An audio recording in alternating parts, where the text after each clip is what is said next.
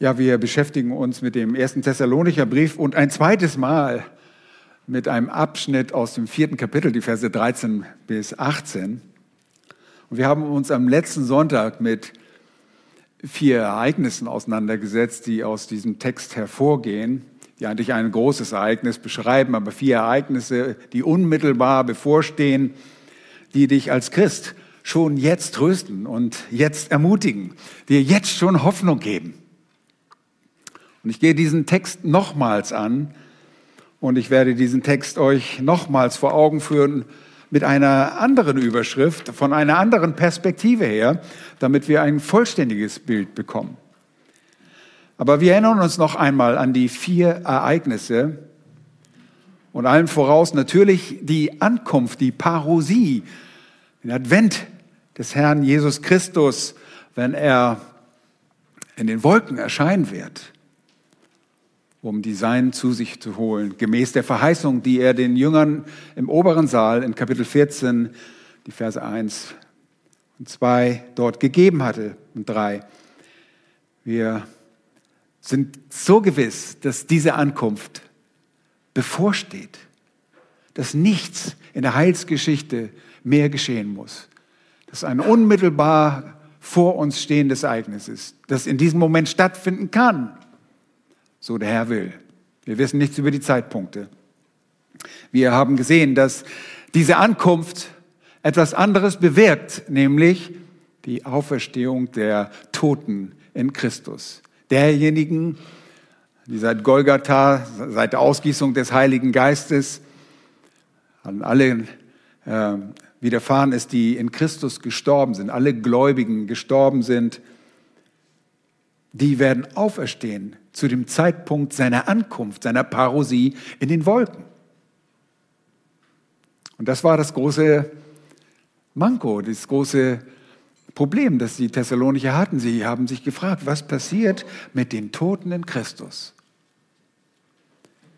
Und dann haben wir gesehen, dass es eine Entrückung gibt. Und diese Entrückung lässt aber diejenigen, die lebend sind, die Gläubigen in Christus, nicht zurück. Die Schreiber des Thessalonicher Briefes sagen, dass sie zusammen, gemeinsam mit den Toten, die aus den Gräbern auferstehen werden, die auferstehen werden, zusammen mit denen, die leben, in die Wolken entrückt werden, dem Herrn entgegen.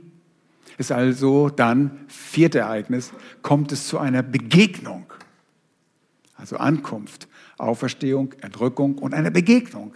Eine Begegnung, die dann in einer dauerhaften Vereinigung mit dem Herrn und seiner Braut, wie wir gesungen haben, geschehen wird. Etwas Wunderbares. Wir wollen diesen Text nochmals lesen und diesmal wollen wir sehen, wie Gott in Jesus die geistliche Vollendung unserer Erlösung realisiert.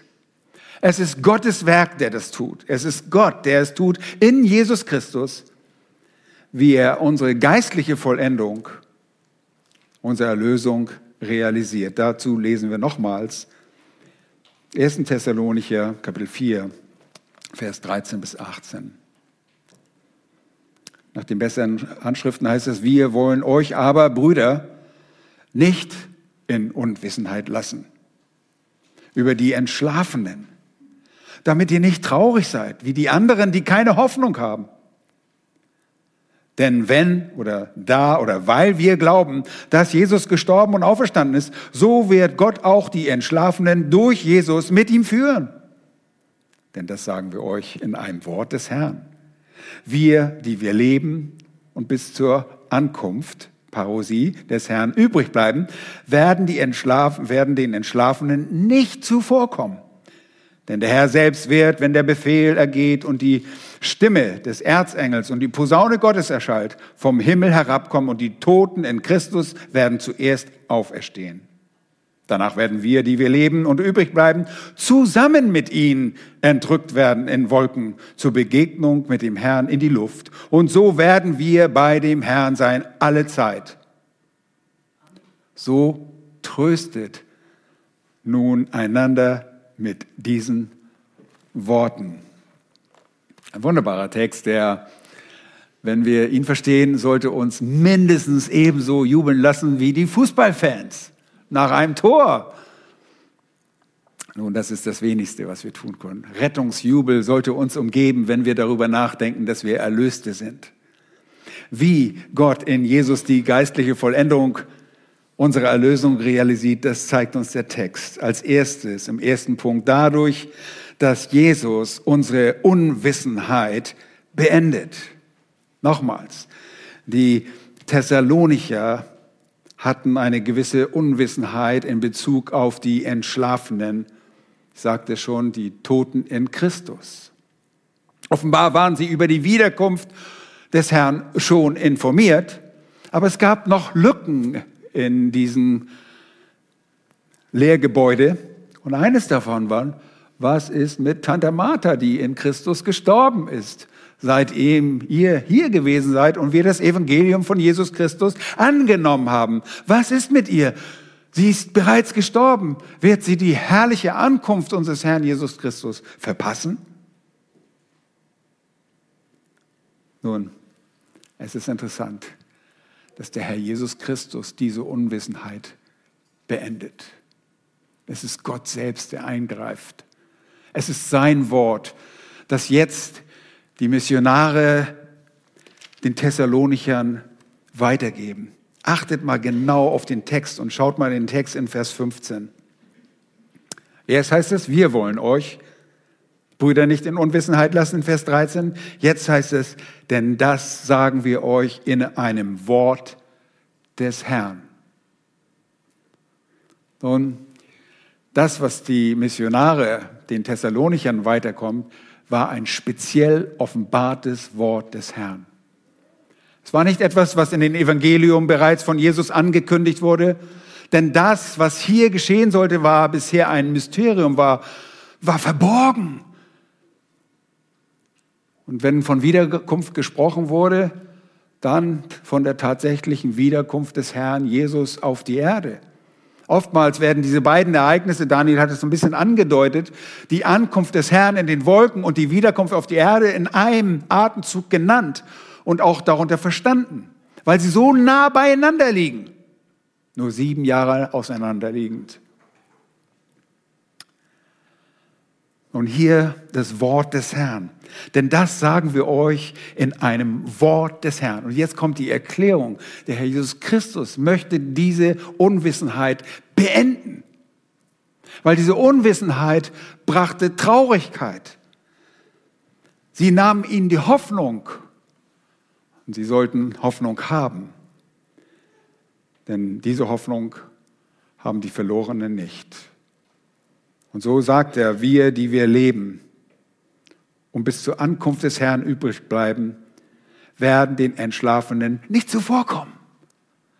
Wir werden gemeinsam mit denen, die tot in Christus sind, dem Herrn entgegengerückt werden. Was er spricht und offenbart, das gelangt und gereicht den Thessalonichern hier zum Trost. Nochmals, damit ihr nicht traurig seid wie die anderen, die keine Hoffnung haben. Nun, wenn wir fragen, was ist deine Hoffnung, dann ist es immer eine Person. Es ist der Herr Jesus Christus. Er ist unsere Hoffnung in jederlei Hinsicht. Er wird kommen.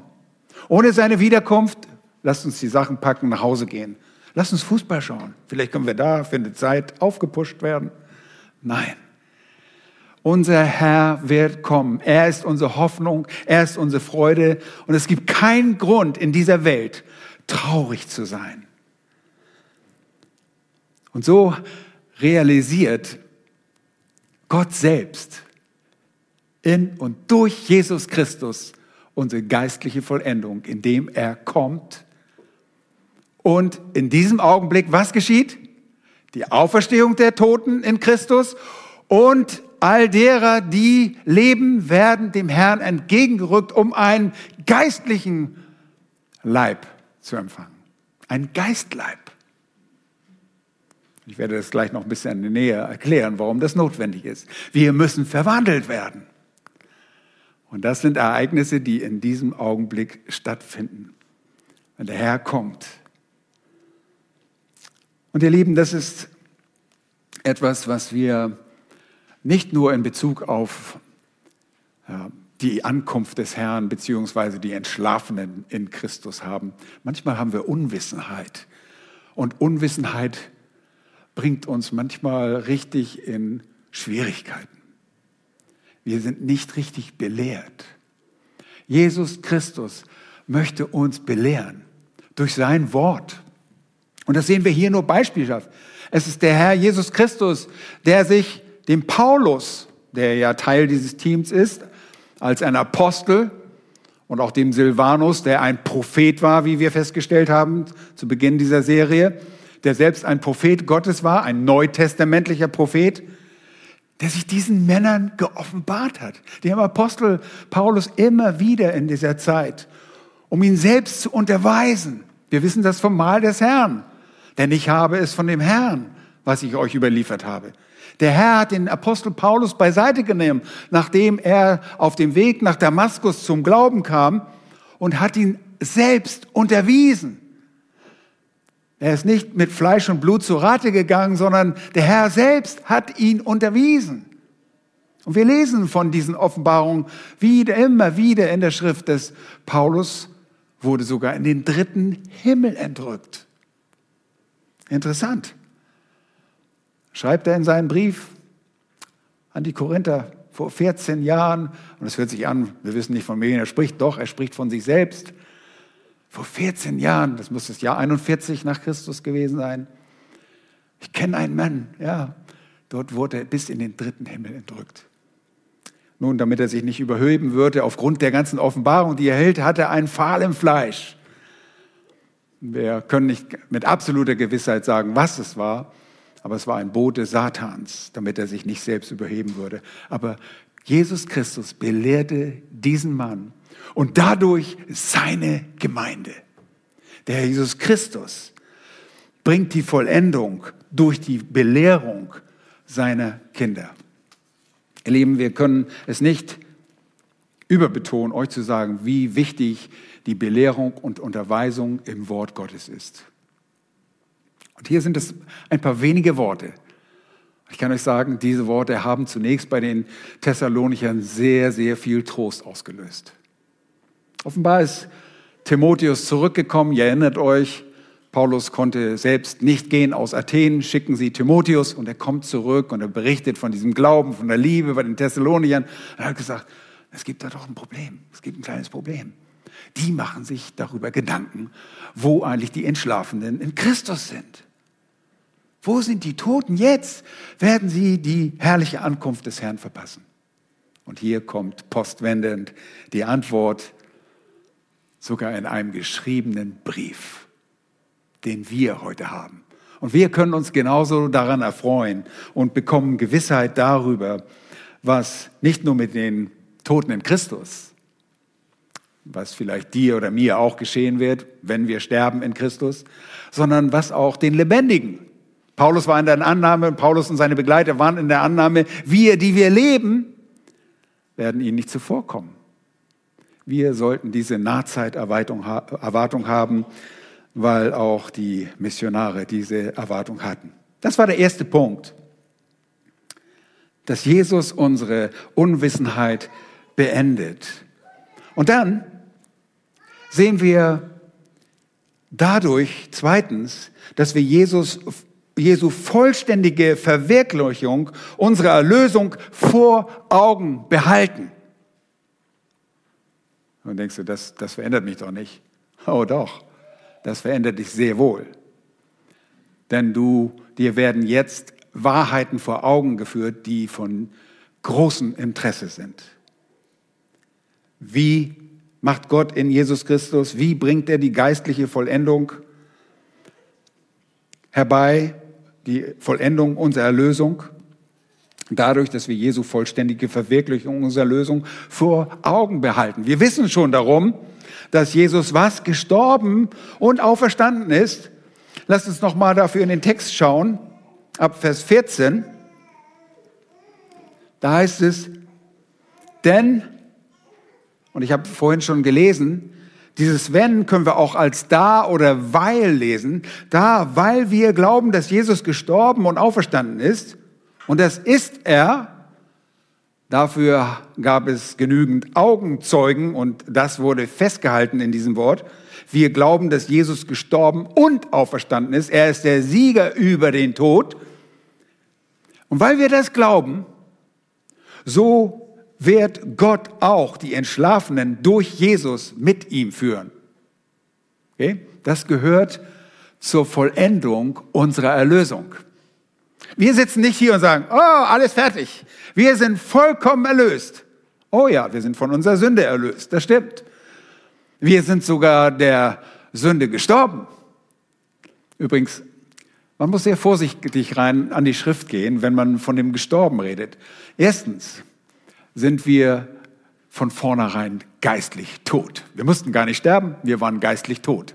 Wir sind geistliche Totgeburten. Ja, wir sind getrennt von Gott geboren und geistlich tot. Deshalb brauchen wir eine Neugeburt, eine Geburt von oben, eine geistliche Geburt. Aber wir sind auch tatsächlich der Sünde gestorben. Wir lebten nämlich für die Sünde. Wir waren Knechte, wir waren Sklaven der Sünde und sind dieser Sünde gestorben. Wie denn? Nun, lasst uns einmal dafür den Römerbrief aufschlagen. Im Römerbrief wird es uns sehr deutlich vor Augen gemalt und äh, in Kapitel 6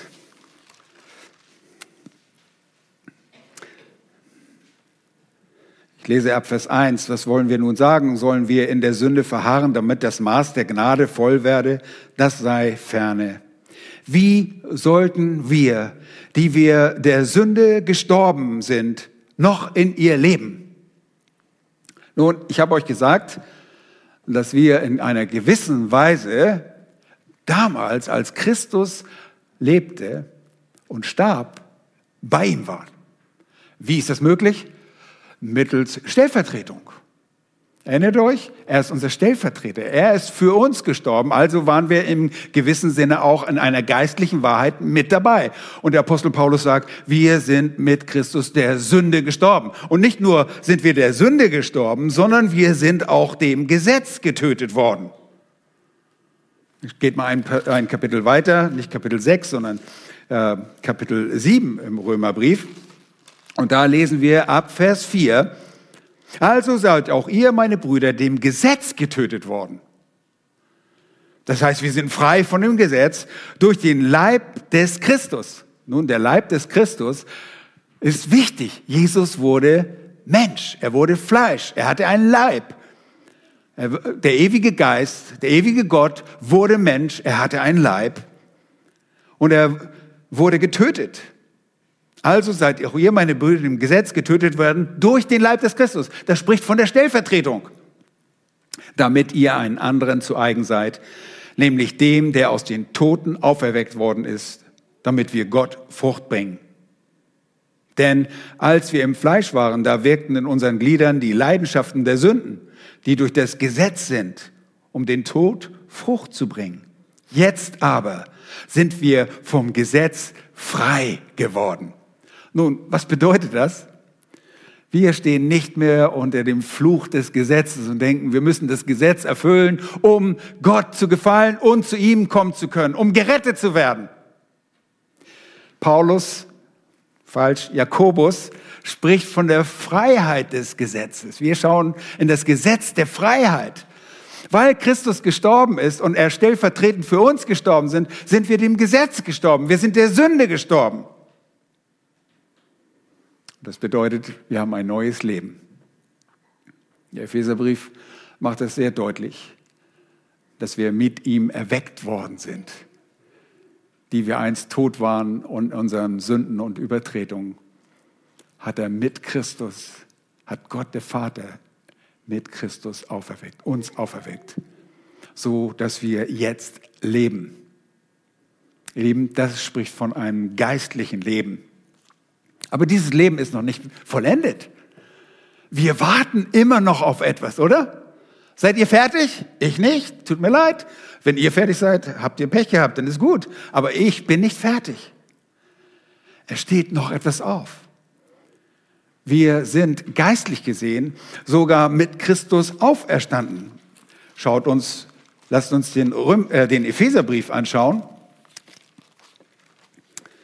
Epheser Kapitel 1, beziehungsweise lasst uns gleich in Kapitel 2 gehen. Da heißt es in Epheser 2, was ich gerade sagte, Paulus setzt schon Kapitel 1 an, aber hier in Vers Kapitel 2, Epheser 2, Vers 5 sagt er, weil er Erbarmen hatte in Vers 4 und um seiner großen Liebe willen, sagt er auch uns, die wir tot waren durch die Übertretung mit dem Christus, lebendig gemacht. Aus Gnade seid ihr gerettet und hat uns mit auferweckt. Also, wir sind mit auferweckt und jetzt kommt noch was. Mit versetzt in die himmlischen Regionen in Christus Jesus. Und ich kann euch nicht sagen, wie lange ich daran gerätselt habe. Ich habe gedacht, was bedeutet das? Mit gestorben, mit auferweckt, jetzt auch mit versetzt. Wisst ihr was? Das ist das, wo Jesus Christus jetzt zu Rechten des Thrones des Vaters sitzt. Wir sind durch den Glauben mit Christus verbunden sind und somit auch in die himmlischen Örter versetzt, von wo wir ihn auch erwarten. Und unser Bürgerrecht ist auch in dem Himmel. Und diese Wahrheit muss noch realisiert werden. Verwirklicht hat Gott der Vater die Errettung in dem Tod und der Auferstehung und in der Rückkehr des Sohnes in die Herrlichkeit vor 2000 Jahren. Das hat Gott alles bereits getan.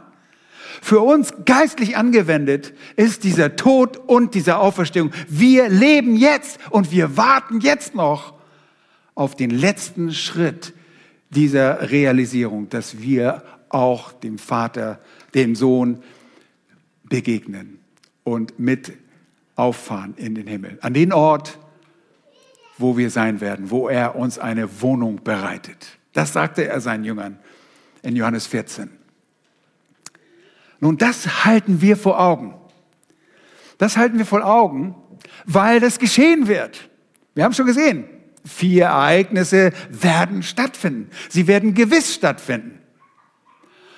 Und da sie stattfinden, werden sie uns jetzt, in dem Moment, wo wir hier sind, Ermutigung, Trost und Antrieb geben. Sie werden uns Kraft zur Heiligung geben. Wenn wir wissen, Herr, der Herr kann heute hier ankommen, dann motiviert uns das. Und das motivierte auch die Thessalonicher. Zumindest motivierte sie, nicht mehr traurig zu sein. Dadurch, dass Jesus unsere Unwissenheit beendet, zum einen, und dadurch, dass wir Jesu vollständige Verwirklichung unserer Erlösung vor Augen halten. Leute, das ist unsere himmlische Berufung. Wir warten auf die Verherrlichung unserer Leibe. Wir sind jetzt neue Kreaturen, aber uns klebt noch was an. Ein Todesleib. Und wenn ihr das mal näher betrachten wollt, dann müsst ihr das in Römer 7 euch anschauen wie Paulus, und wir gehen da heute nicht hin, weil ich habe einfach nicht die Zeit dafür, aber die Zeit, euch das anzuschauen, wie der Todesleib, das ist, was uns immer noch das Gesetz der Sünde, das in unserem Leib ist. Das hat nichts mit unserer neuen Natur zu tun. Wir sind bereits neue Natur und ich habe ein neues Ich. Und dieses neue Ich, ihr Lieben, kann nicht mal mehr sündigen. Ich kann nicht mehr sündigen. Das wahre Ich kann nicht sündigen sondern es ist die Sünde, die in deinem Leib, in deinem ist. Oh, dann habe ich ja nichts damit zu tun. Doch, du hast trotzdem Verantwortung. Du hast die Verantwortung, deinen Leib zu beherrschen und du hast sogar die Kraft dazu, das zu tun. Aber dein neues Ich sündigt nicht mehr. Denn das, das neue Ich ist erlöst, hat ewiges Leben, ewiges Leben, eine ganz andere neue Qualität. Aber lasst uns äh, einmal sehen, es gibt ja auch Einwände von Leuten, die sagen, oh, Auferstehung, was, das kann überhaupt nicht sein. Mit was für einem Leib sollen wir denn da auftreten? Wir gehen doch sowieso schon äh, beim Tod. Wenn jemand stirbt, ist er sowieso bei Christus. Und auch Paulus antizipierte, er erwartete Einwände gegen die Auferstehung. Lasst uns mal zu 1. Korinther dem 15, dem Auferstehungskapitel gehen. Und auch das wollen wir vor unserem geistlichen Auge behalten. Wir wollen das in Erinnerung haben.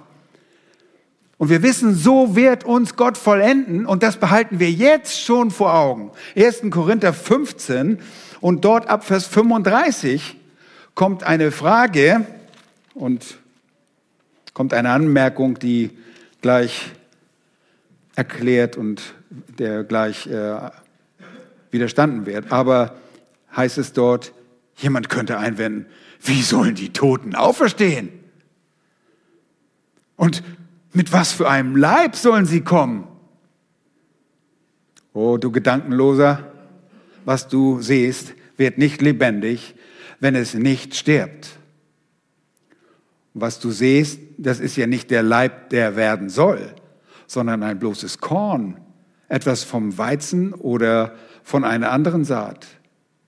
Gott aber gibt ihm ein Leib, wie er ist, wie er es gewollt hat. Und zwar jedem Samen seinen besonderen Leib. Er sagt, es gibt einen neuen Leib, aber das ist nicht der Leib, der jetzt hier gesät wurde, das ist nicht dieser vergängliche Leib, und da kommen wir gleich zu, sondern dieser Leib muss sterben. So wie ein Samenkorn, ein Weizenkorn, das in die Erde geht, nur Frucht bringen kann, wenn es selbst stirbt. Es verrottet nämlich. Auch wenn ein neuer Spross daraus entsteht, das Korn selbst verrottet und verwest. Und so entsteht neues Leben. Und so ist es bei uns, dass wir sterben in Christus. Wir werden auferstehen mit einem neuen Leib. Es geht weiter. Nicht alles Fleisch ist von gleicher Art, sondern anders ist das Fleisch der Menschen, anders das Fleisch des Viehs, anders das der Fische, anders das der Vögel. Und es gibt himmlische Körper und irdische Körper. Aber anders ist der Glanz der Himmelskörper, anders der der irdischen. Einen anderen Glanz hat die Sonne und einen anderen Glanz der Mond. Und einen anderen Glanz haben die Sterne denn ein Stern unterscheidet sich vom anderen Glanz. Und jetzt 42. So ist es auch mit der Auferstehung der Toten. Es wird gesät in Verweslichkeit. Ich meine, den, den ihr hier stehen seht und der, der dort sitzt, die ihr dort sitzt, ihr seid verweslich in euren Leibern. Es wird Verweslichkeit gesät und auferweckt in Unverweslichkeit. Es wird gesät in Unehre. Unehre deshalb auch, weil wir sündigen. Wir sind unehrenhaft in unserem Leben, aber es wird auferweckt in Herrlichkeit. Es wird gesät in Schwachheit und es wird auferweckt in Kraft. Es wird gesät ein natürlicher Leib und es wird auferweckt ein geistlicher Leib. Es gibt einen natürlichen Leib und es gibt einen geistlichen Leib. Wisst ihr, in der Auferstehung haben wir das auf der Erde gesehen, in unserem Herrn Jesus Christus. Er ist der Prototyp, sein Auferstehungsleib. Und ihr erinnert euch, nachdem er auferstanden ist, kommt er zu den Jüngern in den verschlossenen Raum. Und er geht einfach da rein. Also Leute, das ist eine, eine Zuversicht, dass wir also durch Räume gehen, durch Wände gehen und es ist ein geistlicher Leib. Es ist nicht physischer Leib, der, der irgendwo stehen bleiben muss und begrenzt ist. Es ist ein unverweslicher. Es ist ein herrlicher Leib. Es ist ein Kraft, ein Leib der Kraft. Und so steht auch geschrieben, der erste Mensch Adam wurde zu einer lebendigen Seele, der letzte Adam zu einem lebendig machenden Geist. Aber nicht das Geistliche ist das Erste, sondern das Natürliche. Danach kommt das Geistliche. Seht ihr, wir kommen erst natürlich in diese Welt und das Natürliche muss deshalb auch geboren werden vom Geist. Und dann kommt entsprechend auch der geistliche Leib. Der erste Mensch ist von der Erde, irdisch. Der zweite Mensch ist der Herr aus dem Himmel. Der erste und der zweite, beziehungsweise der letzte Adam ist Christus. Und wie der irdische beschaffen ist, so sind auch die irdischen. So sind wir irdischen. Und wie der himmlische beschaffen ist, so sind auch die himmlischen. Und wie wir das Bild des Irdischen getragen haben, so werden wir auch das Bild des himmlischen tragen. Vers 50. Das aber sage ich, Brüder, dass Fleisch und Blut des Reich Gottes nicht erben können. Erinnert ihr euch an die zeitlichen Abfolgen?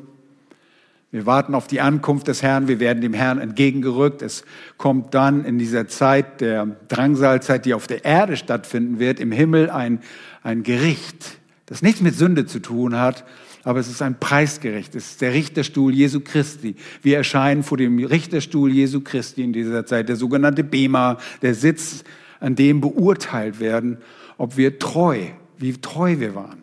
Wir werden Lohn empfangen. Und während dieser sieben Jahre wird dieses Preisgericht stattfinden. Wir wissen nicht, wie lange das anhält, aber nach diesen sieben Jahren werden wir mit Christus zurückkommen, wenn die Drangsalzeit Jakobs vorüber ist und werden mit Christus zusammen, alle Heiligen mit ihm, auf dem Ölberg erscheinen. Und dieses Reich können wir nicht erben als Fleisch und Blut. Wir nicht. Wir können es nicht erben, wir müssen verwandelt werden. Auch erbt das Verwesliche, nicht die Unverweslichkeit. Siehe, ich sage euch ein Geheimnis. Wir werden zwar nicht, seht ihr, die Auferstehung der Toten beziehungsweise die Entrückung war ein Geheimnis. Etwas, was vor Zeiten verborgen war, jetzt aber offenbart worden ist. Ich sage euch ein Geheimnis. Woher weiß er das? Vom Herrn. Offenbart vom Herrn. Wir werden zwar nicht alle entschlafen, hier auch derselbe Euphemismus, diese Umschreibung der Toten, wir werden nicht alle sterben, wir werden aber alle, alle, ob wir sterben oder noch leben, verwandelt werden. Sehr wichtig. Plötzlich, in einem Augenblick, zur Zeit der letzten Posaune, denn die Posaune wird erschallen und die Toten werden auferweckt werden, äh, unverweslich, und wir werden verwandelt werden. Denn diese, äh, dieses Verwesliche muss Unverweslichkeit anziehen und dieses Sterbliche muss Unsterblichkeit anziehen. Wenn aber diese verwesliche Unverweslichkeit anziehen und das Sterbliche Unsterblichkeit anziehen wird, dann wird das Wort erfüllt werden, das geschrieben steht. Der Tod ist verschlungen in Sieg. Tod, wo ist dein Stachel? Totenreich, wo ist dein Sieg? Der Stachel des Todes aber ist die Sünde und die Kraft der Sünde aber ist das Gesetz. Beide dieser Dinge sind wir gestorben. Römer 6 sind wir der Sünde gestorben. Römer 7 sind wir des Gesetzes gestorben. Dem Gesetz getötet worden heißt es dort. Römer 7, 4 haben wir vorhin angeschaut. Gott aber sei Dank, der uns den Sieg gibt durch den Herrn Jesus Christus. Seht ihr, wir haben schon vor Spielbeginn die Gewissheit, dass wir siegen. Und vielleicht steht es jetzt 1 zu 0 für Argentinien. Keine Ahnung. Wir haben den Sieg gewiss. Und da heißt es darum, meine geliebten Brüder, seid fest, unerschütterlich, nimmt immer zu in dem Werk des Herrn, weil ihr wisst, dass eure Arbeit nicht vergeblich ist im Herrn. Das ist die Motivation. Und jetzt gehen wir zu dem Text zurück und schauen, dass genau dies auch den Thessalonichern so gesagt wird. Da heißt es nochmals, wir in Vers 15, die wir leben und bis zur Ankunft des Herrn übrig bleiben, werden den Entschlafenen nicht zuvorkommen. Denn der Herr selbst wehrt, wenn der, und das Wort ist hier ein Befehlsruf, ein autoritativer Befehlsruf. Wir wissen nicht, an wen er geht. Wir können annehmen, dass er vielleicht an die äh, Toten in Christus ergeht.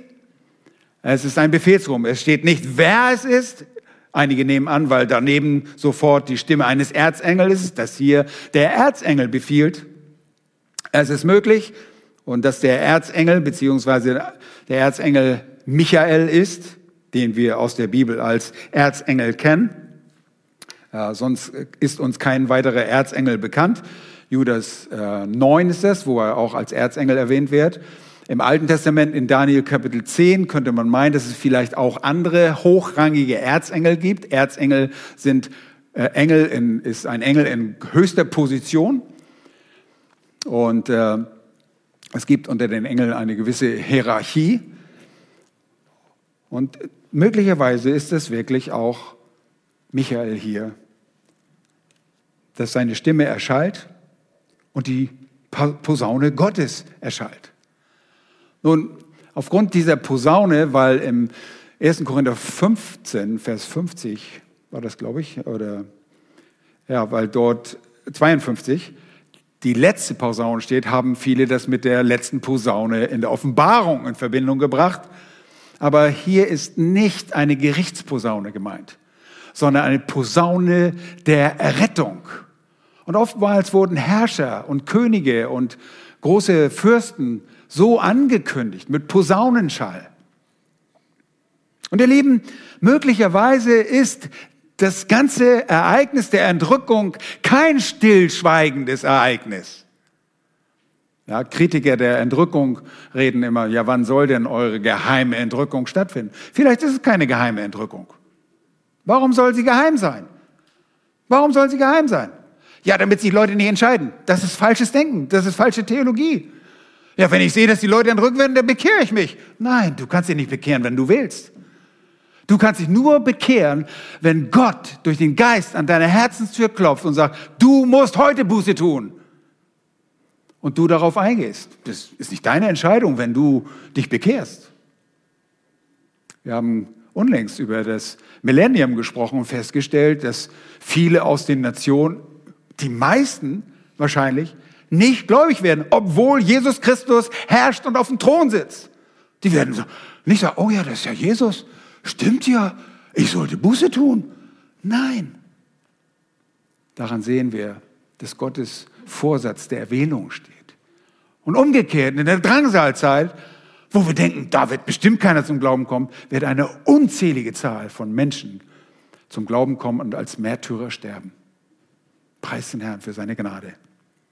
Und hier ist jetzt dieses Begleitereignis, dieser Befehlsruf, dieser autoritative Befehlsruf, der entweder an die Toten in Christus ergeht und die Stimme des Erzengels, es wird ein, ein geräuschvolles Ereignis sein und eine Posaune, vielleicht so ähnlich wie bei der Begegnung Jesu mit äh, Paulus auf dem Weg nach Damaskus, als er auch seine Begleitung zwar äh, das Licht sahen, aber seine Stimme nicht hörten.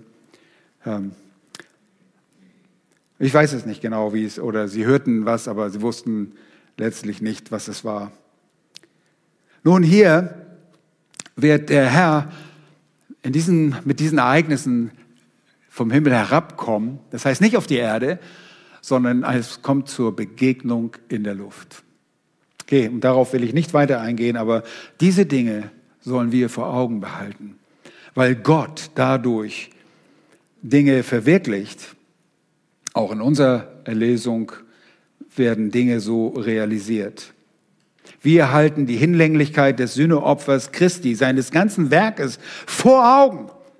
Wir wissen, das reicht vollkommen aus, damit ich dabei sein werde, wenn Christus wiederkommt. Wenn ich an sein Sühnewerk, sein Sühnewerk glaube ich, glaube, das daraus besteht, dass er stellvertretend für uns gestorben ist, der Gerechte für die Ungerechten, dass er bezahlt hat den Preis, den ich nicht zahlen konnte, außer dass ich in die ewige Verdammnis gehe. Und selbst dort wird die Sünde nie abgegolten sein. Und dann ist er der Auferstandene. Das ist tatsächlich verwirklicht. Und die Auferstehung und die Auffahrt in den Himmel ist verwirklicht. Und ihr Lieben, darauf warten wir. Und wenn wir in den Epheserbrief schauen, dann sind wir genau auf diesen Tag hin versiegelt worden. Das heißt es dort in Epheser Kapitel 1. Ich lese es euch vor. In Vers 13 und 14 heißt es, in ihm seid auch ihr, nachdem ihr das Wort der Wahrheit, das Evangelium der Rettung gehört habt, in ihm seid auch ihr, als ihr gläubig wurdet, versiegelt worden. Das ist in Jesus Christus seid ihr mit dem Heiligen Geist der Verheißung. Seht ihr, dieses in äh, dieses Versiegeltsein ist Vers 14 das Unterpfand unseres Erbes. Das ist was bis zur Erlösung des Eigentums zum Lob seiner Herrlichkeit. Das ist der Tag, an dem wir vollendet werden, in dem wir verherrlicht werden. Das steht noch aus. Wir sind errettet, ja. Wir sind vor Grundlegung der Welt erwählt und wir haben auf die Verwirklichung unserer Erlösung gesehen in dem leiblichen Tod und der Auferstehung unseres Herrn Jesus Christus. Und der Heilige Geist hat sogar die Errettung auf unser Leben angewendet, dass wir zum Glauben gekommen. Wir haben Buße getan, wir sind umgekehrt, wir haben uns abgewendet von unserem bösen Leben und folgen jetzt Christus nach. Wir warten auf dieses wunderbare, beziehungsweise die vier Ereignisse warten wir als unmittelbar bevorstehend. Nun, drittens, wie Gott in Jesus die geistliche Vollendung unserer Lösung realisiert, ist dadurch, dass wir einander bis zu unserer Vollendung mit Gottes Wort trösten. Diese Worte, wir sollen diese Worte nehmen, und das sollten die Thessalonicher, tröstet einander nun mit diesen Worten. Leben, das ist alles, was wir zurzeit tun. Wenn wir niedergeschlagen sind, dann können wir verweisen auf jene Worte. Die Gewissheit unserer Verherrlichung, die Gewissheit der Ankunft Jesu in den Wolken, der Gewissheit der Auferstehung, der Gewissheit der Lebenden, die entgegengerückt werden und die Gewissheit der Begegnung, der Vereinigung mit unserem Herrn. Die Gemeinde wird mit ihm vereinigt, mit seinem Bräutigam, mit ihrem Bräutigam. Diese Worte, lasst uns diese Worte nehmen. Lasst uns daran erinnern, der Herr kommt. Ach, das haben ja schon viele vor Generationen gesagt, vor uns gesagt, das passiert doch nicht. Das, das, nee, ach nee, lass uns nicht so leben. Das, das passiert ohnehin nicht. Nun, lasst uns nicht vergessen, wie das beim Herrn aussieht. Für den Herrn ist, sind tausend Jahre wie ein Tag. Ein Tag. Das ist nicht viel. Für, den Herrn ist noch fast nichts gegangen. Er ist einfach nur gnädig. Und er möchte alle die, die er vorher ersehen hat, die möchte er in sein Reich bringen und noch erlösen. Deshalb kommt er nicht wieder. Er verheißt, der verzieht nicht seine Verheißung.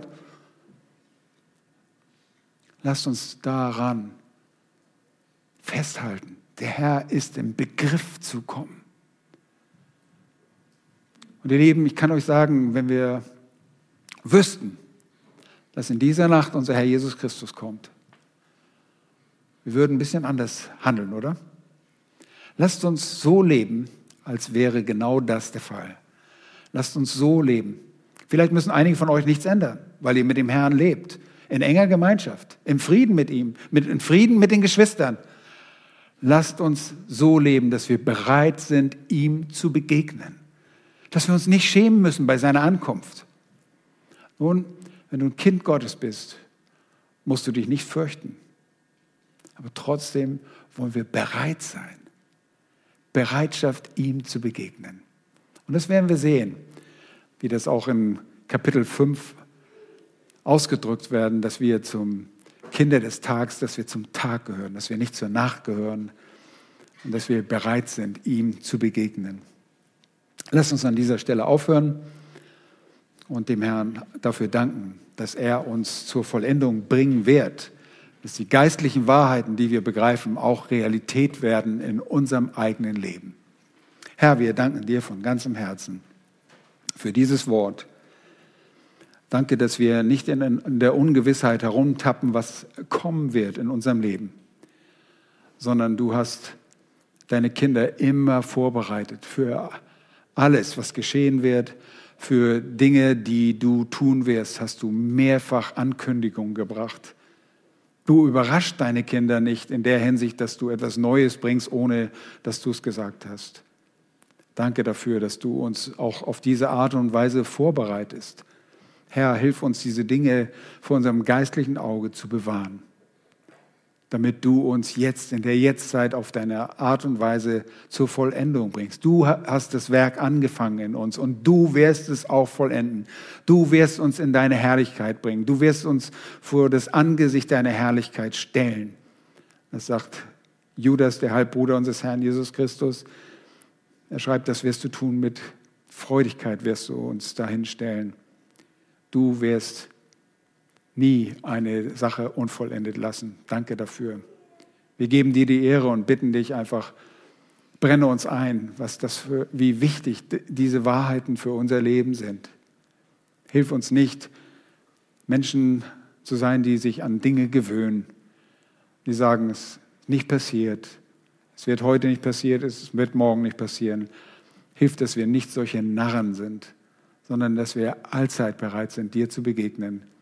Und vor allen Dingen, dass wir ein heiliges Leben führen, dir zu Freude, in dir zu Ehre. Denn das sagst du auch in diesem Kapitel dieses Briefes, dass wir dir zur Ehre leben, dass wir ein Leben führen, das deiner würdig ist, dass wir deiner würdig wandeln, dass wir in der Heiligung leben, dass wir die Unzucht meiden und dass wir einfach bereit sind, noch überströmender in der Liebe zueinander werden, sagst du in einem Kapitel davor.